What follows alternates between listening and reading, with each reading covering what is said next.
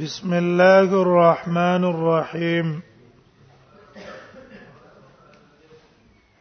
باب ما جاء في الصوم عن الميت باب د بیان د روزي نیولو عن الميت د مړینا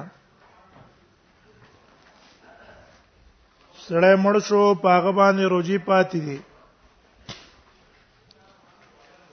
یا د رمضان روزي په پاتې دي یا د نظر روزي په پاتې دي اولی را لګيږي دا غ طرف نه روزي نسی نو آیا دا روزي نیول سیدی او کنا کفاره باور کوي دا مسله اختلافي ده د علماو منځ کې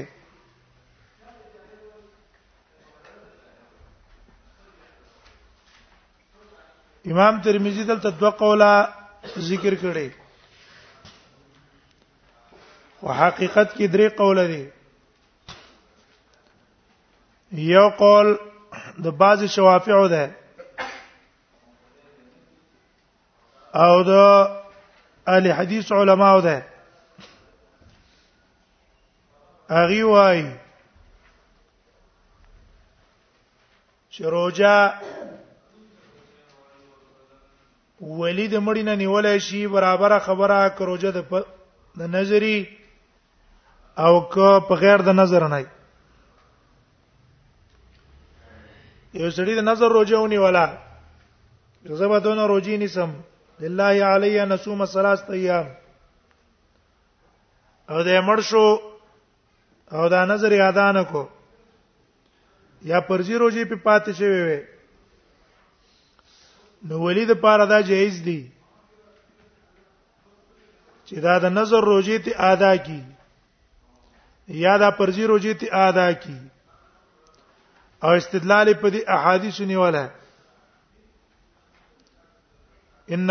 اختي ماتت عليها صوم شهرين متتابعين نبی صلی الله علیه وسلم تو ویل ارایت لو کان علی اختک دین ستا په قربان قرض ته به ورکه کنه به ورکه دقه سی وې دا روجیم د الله حق دی ته کولای شي حق الله حق دویم قول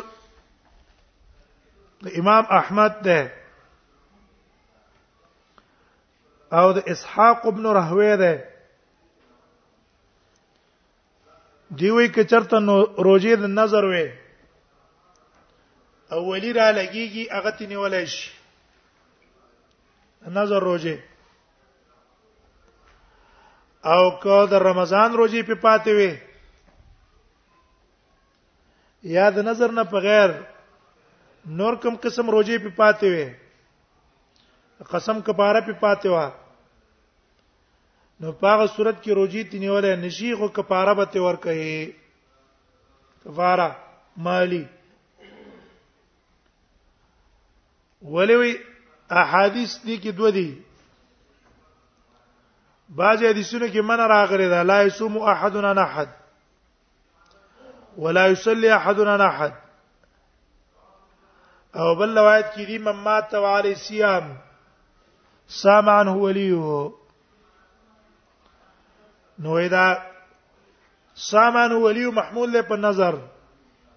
او حدیث د نهي محمول له په کم روجو په غیر د نظر نه دریم قول د امام مالک سفیان ثوری امام شافعی امام بونیفا رحمهم الله جميعا هغه وای چې کفاره به تی ور کوي خپل ته روزي نشي نیولای کده روزه د رمضان وا کده نظر وا او کده قسم وا و دې ټول صورتونو کې بچ کوي کفاره به ور کوي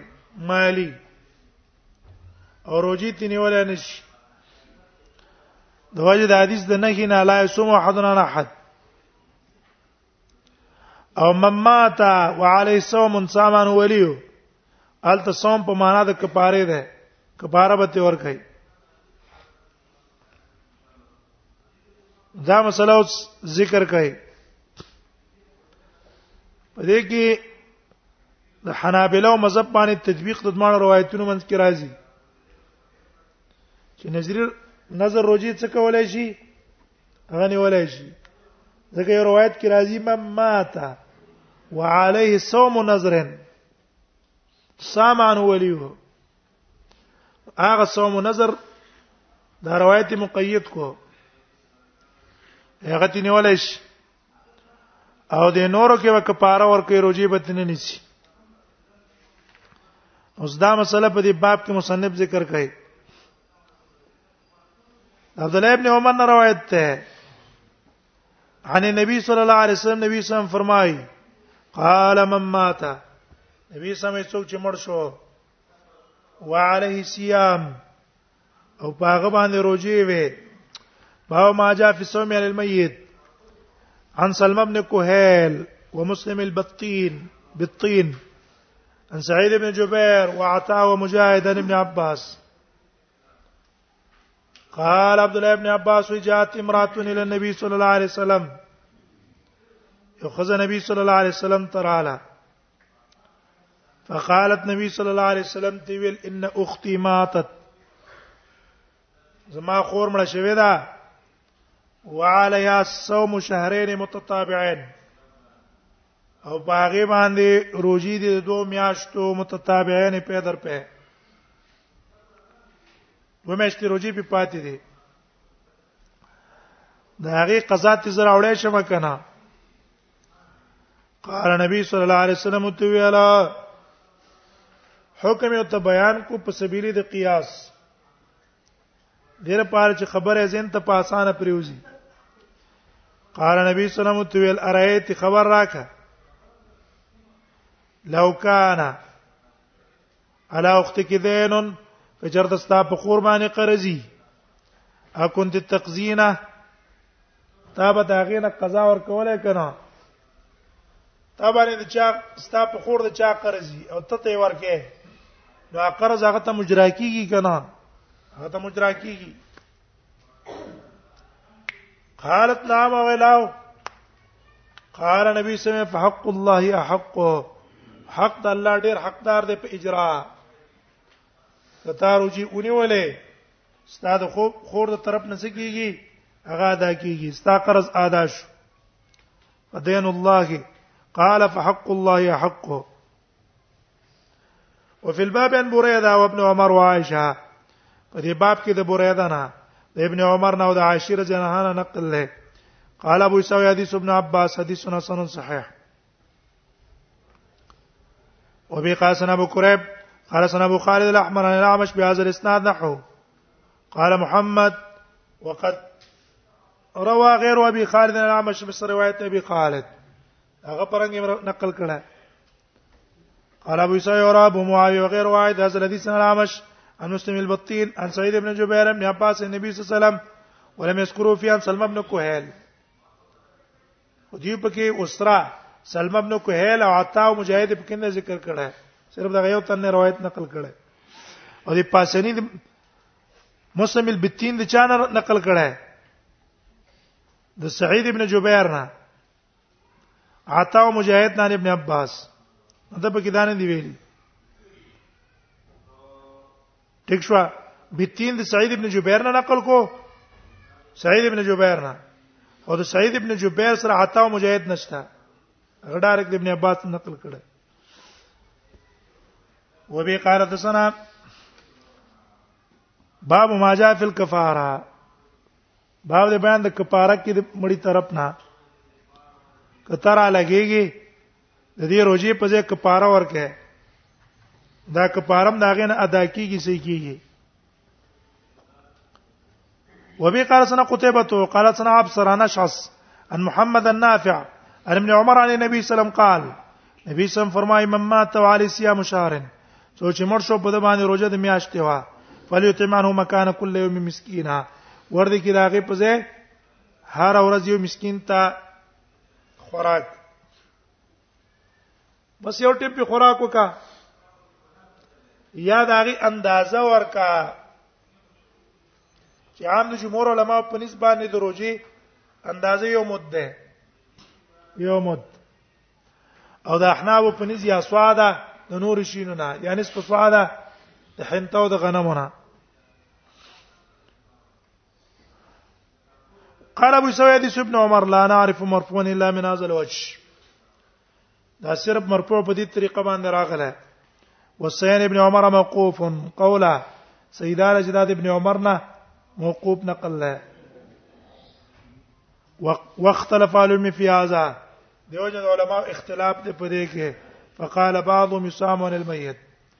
چا ویل چې د مړی نه بروجی نیسی دا قول د امام احمد او اسحاق قال خدی وای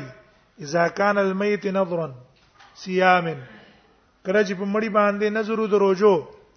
نو سامانو دنا بیا روزو نیول شي و اذا كان عليه قضاء رمضان او که پاغه باندې قضا د رمضان وا اطعمانون ثبت کوي خوراک به تور کوي وقال مالك وسفيان والشافعي امام مالک سفيان او شافعي وايي لا يصوم احد على احد دا د امام بونی په مذهب باندې رحمه الله وسوي اشعث څوک دی د روایت کې اشعث تیر شو وی اشعث چې کوم ده دا ابن سوار ده او محمد دا محمد ابن عبد الرحمن ابن ابي ليلى ده باو ما جاء في الصائم يضرع عنه القه بعد باندې ذکر جدار ده الټي په غالب شوي او استه الټي وکړي په دې الټي کولو د روزه ماتي کی کنه دا مسله بیان هي وبي قال سنا محمد بن عبيد المحاربي قال سنا عبد الرحمن بن زيد بن اسلم عن ابي انا طيب بن يسار عن ابي سيد الخدري قال قال رسول الله صلى الله عليه وسلم ونبي صلى الله عليه وسلم فرمای ثلاث ذکرون لا يفترن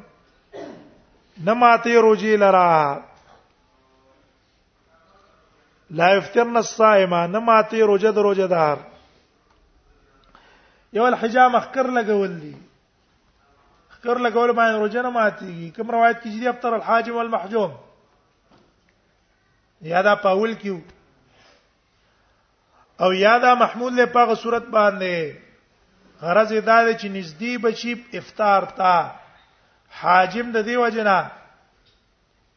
چې کې دې چې اینه د قصې تیر شي په دې راخلو کې روزه به ماته شي او محجوم د دې وجنه چې ضعیف بشي بیوشي به پیراش نو دا به سبب شي به د پاره د خراس کا او د روزه ماته وله دې وجنه نه دې ماته کني عبد الله ابن عباس نبی سم پروژه کې لیدره چې خکرې لګواله جيش ولقه اوقه الټو باندې نه ماتيږي ځکه دا د انسان په اختیار کې نه دی دارنګ احتلام اگر که مشابه ده د جما سره ولیکن دا د په اختیار کې نه دی عربو سعید صبی سعید الخدری غیر محفوظ وقد روى عبد الله بن زيد بن اسلم وعبد العزيز بن محمد وغير واحد هذا الحديث ده نقل کړی د زید ابن اسلم نه مرسل ولم يذكروا في ابي سعيد ابو سعيد الخدري په کې نشتا هغه راکړه خو سوای او عبد الرحمن ابن زید ابن اسلم او عبد الرحمن ابن زید ابن اسلم چې کوم ده په دې حدیث کې يضعف في الحديث دا په حدیث کې ضعیف ده بیا د دې زید چې کوم نه کنه د زید ابن اسلم درې زامن دي بعض علماء درې وانه ته زوی پویلي بعض علماء یو ته صحیح ویل دی بل ته زوی پویل دی نو اوس دی وی عبد الرحمن ابن زید ابن اسلم یضاعف فی الحديث سمعت ابا داود السجزی ابو داود سجیزی نه مې اوریدلی کوم ابو داود امام ابو داود دی استادو یقول چې هغه ویل سالت احمد ابن حنبل ما احمد ابن حنبل نه تپوس کړی دی ان عبد الرحمن ابن زید ابن اسلمہ فقال اغرا فقال نو وی ویل اخوه عبد الله ابن زید لا باس به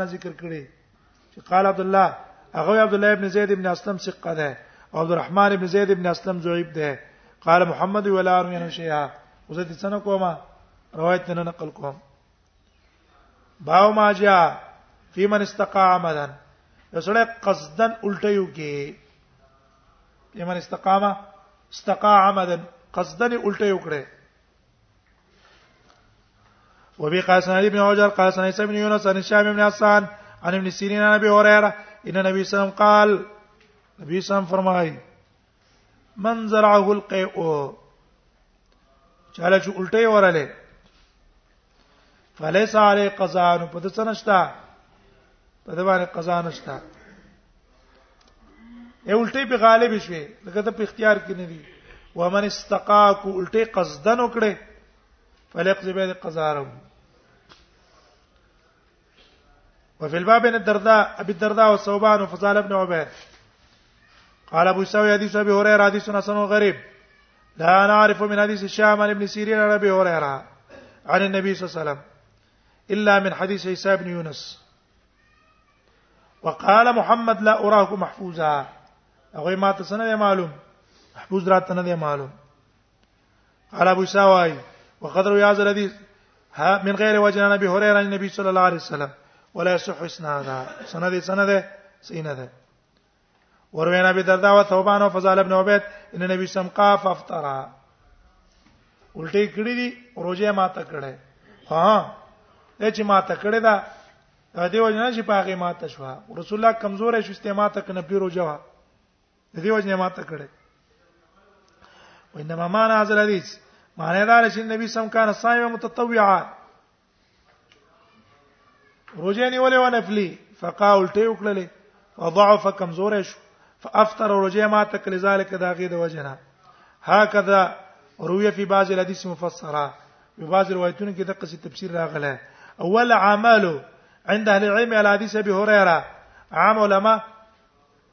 په حدیث د ابو هريره عمل کوي ان نبی صلی الله علیه وسلم الصائم اذا زرع القه فلا قضاء عليه خپل لولټه رااله په غالب شو به قضا نشته وایز استقا عمدا فليقضه او که قصدن الټه وکړه قضا راوړي داغه دا قول امام شافعي سفيان ثوري احمد اسحاق او امام بوني فهم ده رحمهم الله جميعا ما ما جاء في الصائم ياكل ويشرب ناسيا بعد بیان دي کې چې روزدار سره خراج کا کو کی په یار باندې خبره تیر شوې ده خراج کا کې کو دا څنګه ده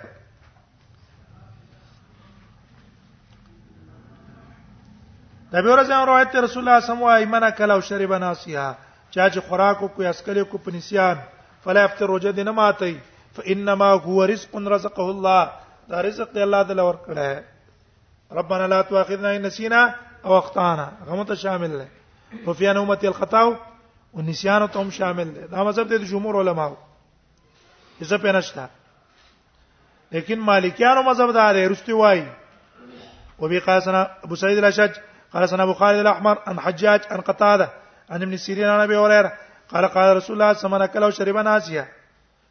چا چې خوړلو کوی اسکلو کو په یرا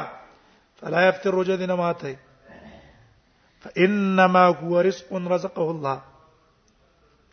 يبقى روایت کې دي ان النبي صلى الله عليه وسلم استوى نحو وفي الباب عن ابي سعيد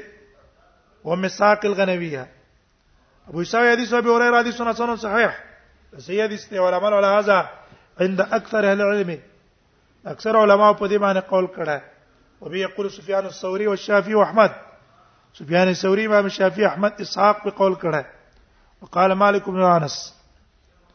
هاي امام مالک وايي اذا کل فی رمضان ناسیا نه پلی روزه کې خیر ہے او که په رمضان کې خوراکو کو فعلي القضاء قضا براوړي امام ترمذی ولا ولا صح امام مالک قول سینه ده ورنه سیده مصنف عبد الرزاق یو روایت ته یو تن راغی ابو هريره ته ویل رضی الله عنه ته یو سړی خوراکو کې په یې را باندې وای زه خیال مې نو لاړم یو تن سم خوراک وکړو وای بس الله تعالی رزق درکو بیا و تراغه وای زه بیا په یو سړی باندې ورالم او خیال مې نو است خوراک مې دا غسو کو غزا الله رزق در درکړی دی بس در باندې وی خړل دریم ځل بیا او تراغه وی چې دا غې نه رستو بیا تلاړم په لې سړی څه هغه سمې خوراکو کو خیال مې نو هول اذا نن تلست انسان ته خو سره انسان نه